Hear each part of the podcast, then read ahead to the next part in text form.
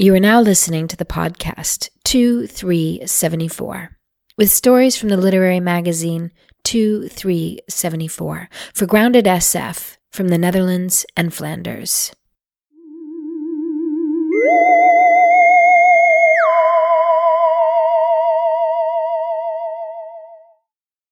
Dolly's Razor, a story by Willem Bos.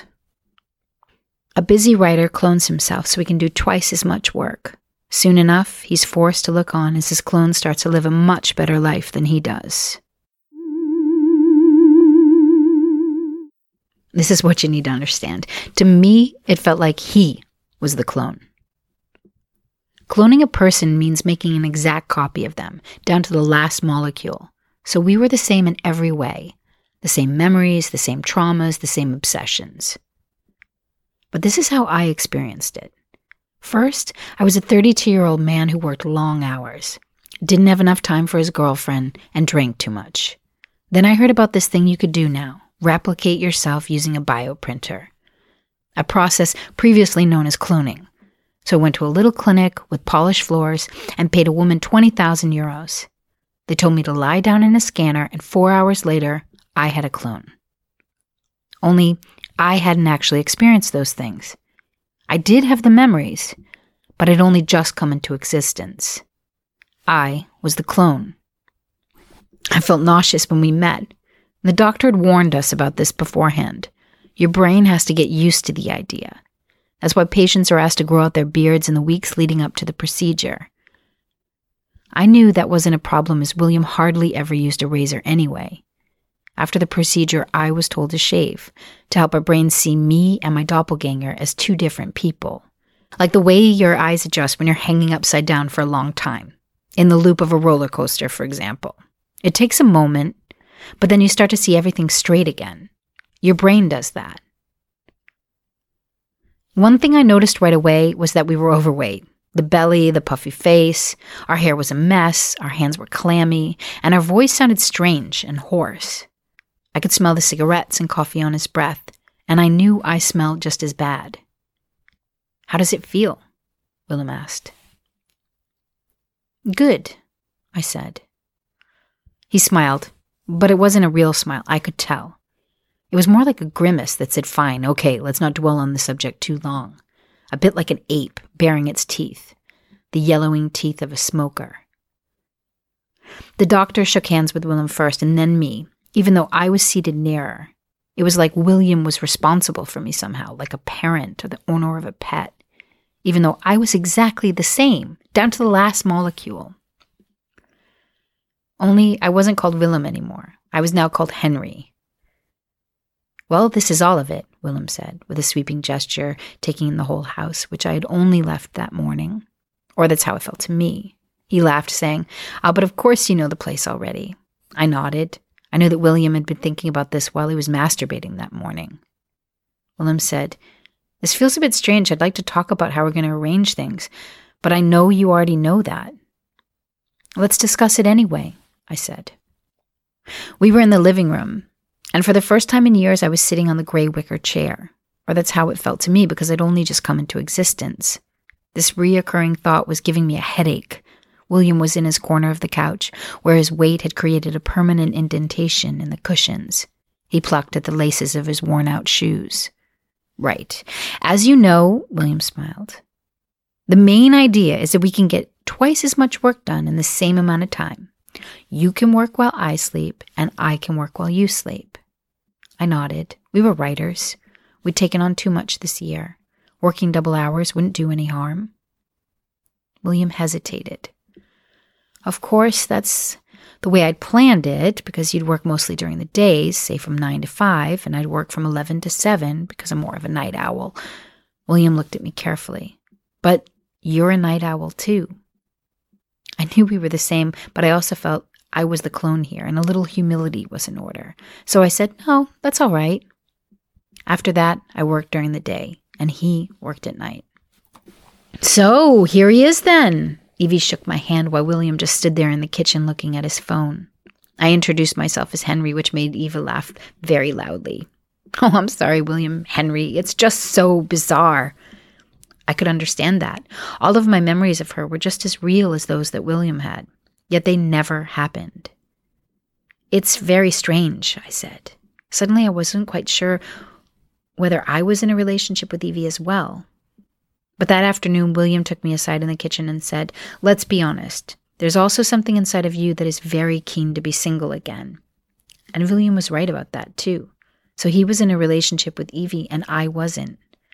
That night, they went out for dinner and on to a bar afterwards. I went to bed because I had to get up early the next morning for the first time in years, even though I'd only just come into existence. Things look very different in the morning. Birds are singing, and the world looks kinder, more upbeat. And I woke up without a hangover for the first time in my life. In the kitchen, I saw that Willem and Evie and a couple of friends had been sitting up until late hours. The large kitchen table was covered with a mess full of ashtrays, beer cans, and assorted bottles of liquor. A tea light candle had been crumbled into waxy little heap. Shoving the mess to one side, I opened our laptop. Instantly, the sound of Fleetwood Mac blasted through the tiny speakers on the window sill. Knowing us, Willem and Evie had roared along to this at the end of the night. I switched off the music, cleaned up all the mess, and got to work. The novel Willem and I were working on was terrible. We both knew it, but we'd taken the advance and spent it, so it had to be finished. But seeing the sun come up outside and with a clear head, I decided to go out first and get breakfast. Shopping turned into a morning walk, and after an hour, I had two or three pretty decent ideas. I was satisfied. Willem would be satisfied. I'm worried about Willem. I was three weeks old, and Evie still hadn't gotten used to me. She hadn't seen I was already there, sitting at the table working. She was now standing in the kitchen on the phone. It was her mother. I could tell by the affected tone of her voice. He works so hard, and you can see how he neglects himself. He's put on loads of weight again. Have you noticed? And now he's gone and had one of those copies made of himself. I made a small coughing sound to show I was there. Evie stood bolt upright, thinking it was Willem, and then turned bright red and said, Oh, hi there, Henry. Sorry. I asked, Where's Willem? She made a gesture that meant, What do you think? Still in bed? I nodded. Ah. I told her I'd gone out for croissants, only Evie hated croissants, and I knew that really. While he was reading, Willem had lit two cigarettes at the same time. Hunched over, his eyes narrowed, I saw him pretend to concentrate but I knew he'd have to start over again twice because his thoughts kept wandering off. After 20 minutes, he mumbled, Yes. I nodded. What I'd written was really good. Smiling that fake smile again, Willem said, Yeah, it's so bizarre because I can see it's good and I know it's me who actually wrote it or could have written it, but it still takes getting used to. I could understand that. It is a strange feeling, and while Willem started deleting sentences here and there and changing things, I took another look at myself in the reflection of the large window at the back of our house, and I asked him if it wasn't about time we did something about that belly. Didn't he think we'd gotten very overweight? Oh, Christ, are we doing that now? Willem said. I asked, Are we doing what now? But I knew what he meant. Willem sighed as if any conceivable form of stress was too much for him. Get the damn book finished first, then a vacation with Evie, then we hit the gym five or six days a week, straight off. Bam, bam, bam. But that's in July, I said. This made Willem angry. And even though I didn't mean anything by it, what do you want me to do? Go to the gym now and just screw the deadline? Or do you want me to write? Go on, tell me. It's up to you, Willem said. I knew it was a trick, so he wouldn't have to discuss it any more. I shook my head and said, You're right. That afternoon, I joined a gym. He's kind of an odd clone, isn't he? Evie had invited me along to Michael's birthday at a bar called the Evenaar, though I should have been working. Willem wasn't happy about it, but one stern look from Evie shut him up. I was introduced to all our friends, whom I already knew. Michael, Willem's best friend, studied me with fascination. He doesn't look exactly the same. Evie put her arm around Michael's shoulder and said, that's because Henry goes to the gym. Willem came by holding two beers and gave one to Michael. He'd forgotten to bring me one. Someone has to do the work around here, Willem said, even though I was getting more work done than he was. I noticed the short walk from the bar to our table had left him out of breath. When you get up early and schedule your day carefully, you can get an endless amount of work done. Five minutes under the shower, then breakfast, two hours working, an hour at the gym, then another three hours working, and an hour on your favorite projects. After that, you have the whole day ahead of you while finishing everything on time. And what's more, everything I wrote was better, much better, twice as good. That's because there's two of us, Willem said. But I thought his work had been pretty sloppy the past few weeks.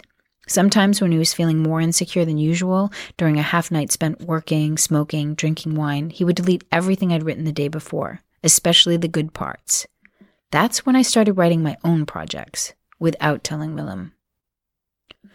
I have an idea, Willem said.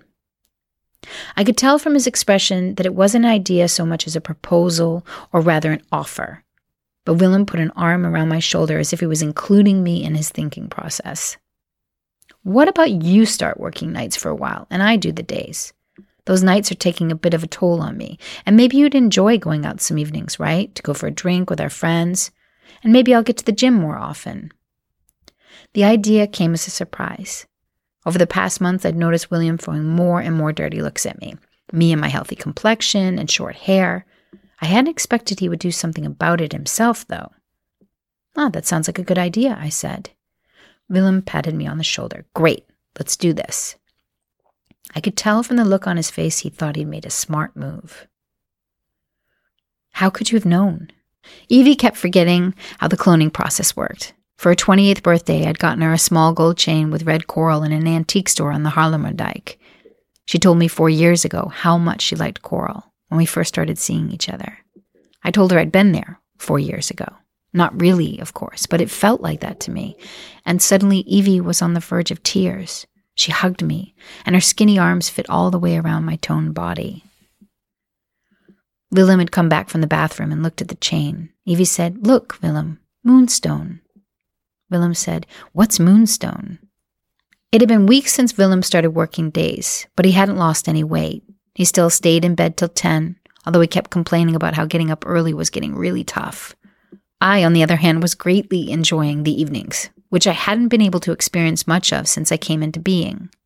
From Monday to Wednesday evenings, I worked through the night. On Thursdays, I read books while enjoying a glass of wine. And on Fridays, I took Evie to the theater or an exhibition.